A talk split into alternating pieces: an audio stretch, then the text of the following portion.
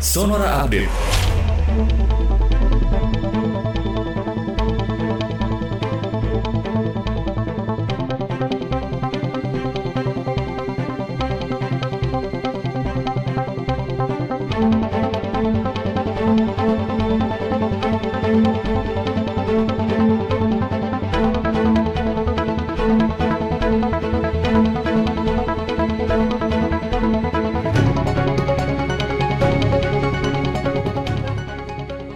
Sahabat Sonora juru bicara Satuan Tugas Penanganan COVID-19 Wiku Adhisa Smito mengatakan temuan kasus positif COVID-19 yang disebabkan varian baru virus corona sebaiknya tidak disikapi dengan ketakutan yang berlebihan.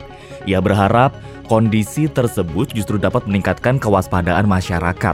Sementara itu, varian of concern atau varian mutasi virus corona yang menjadi perhatian secara global karena mengancam kesehatan dunia. Tercatat ada 46 kasus penularan yang terjadi di Indonesia.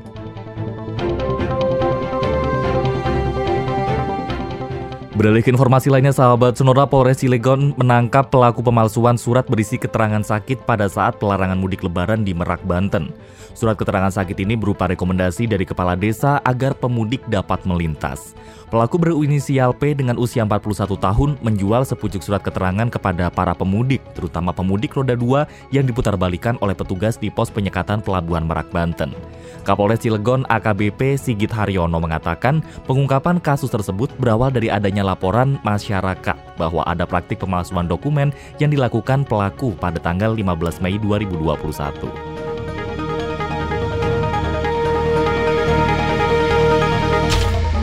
Kementerian Ketenagakerjaan memfasilitasi pertemuan manajemen dan serikat pekerja maskapai Sriwijaya Air dan Garuda Indonesia secara terpisah di kantor Kementerian Ketenagakerjaan Jakarta guna membahas tawaran pensiun dini bagi karyawan. Pertemuan digelar terkait nasib pekerja dua maskapai penerbangan yang akan disebutkan yang akan memilih untuk melanjutkan dalam karirnya sahabat Sonora dan tentunya pertemuan juga digelar terkait nasib pekerja dua maskapai penerbangan yang akan melakukan opsi resign dan pensiun dini lantaran kondisi perusahaan mengalami penurunan jumlah penumpang penerbangan.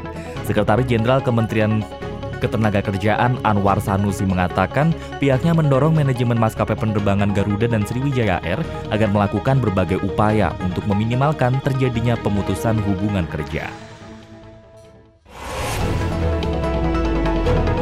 Demikian Sonora Update.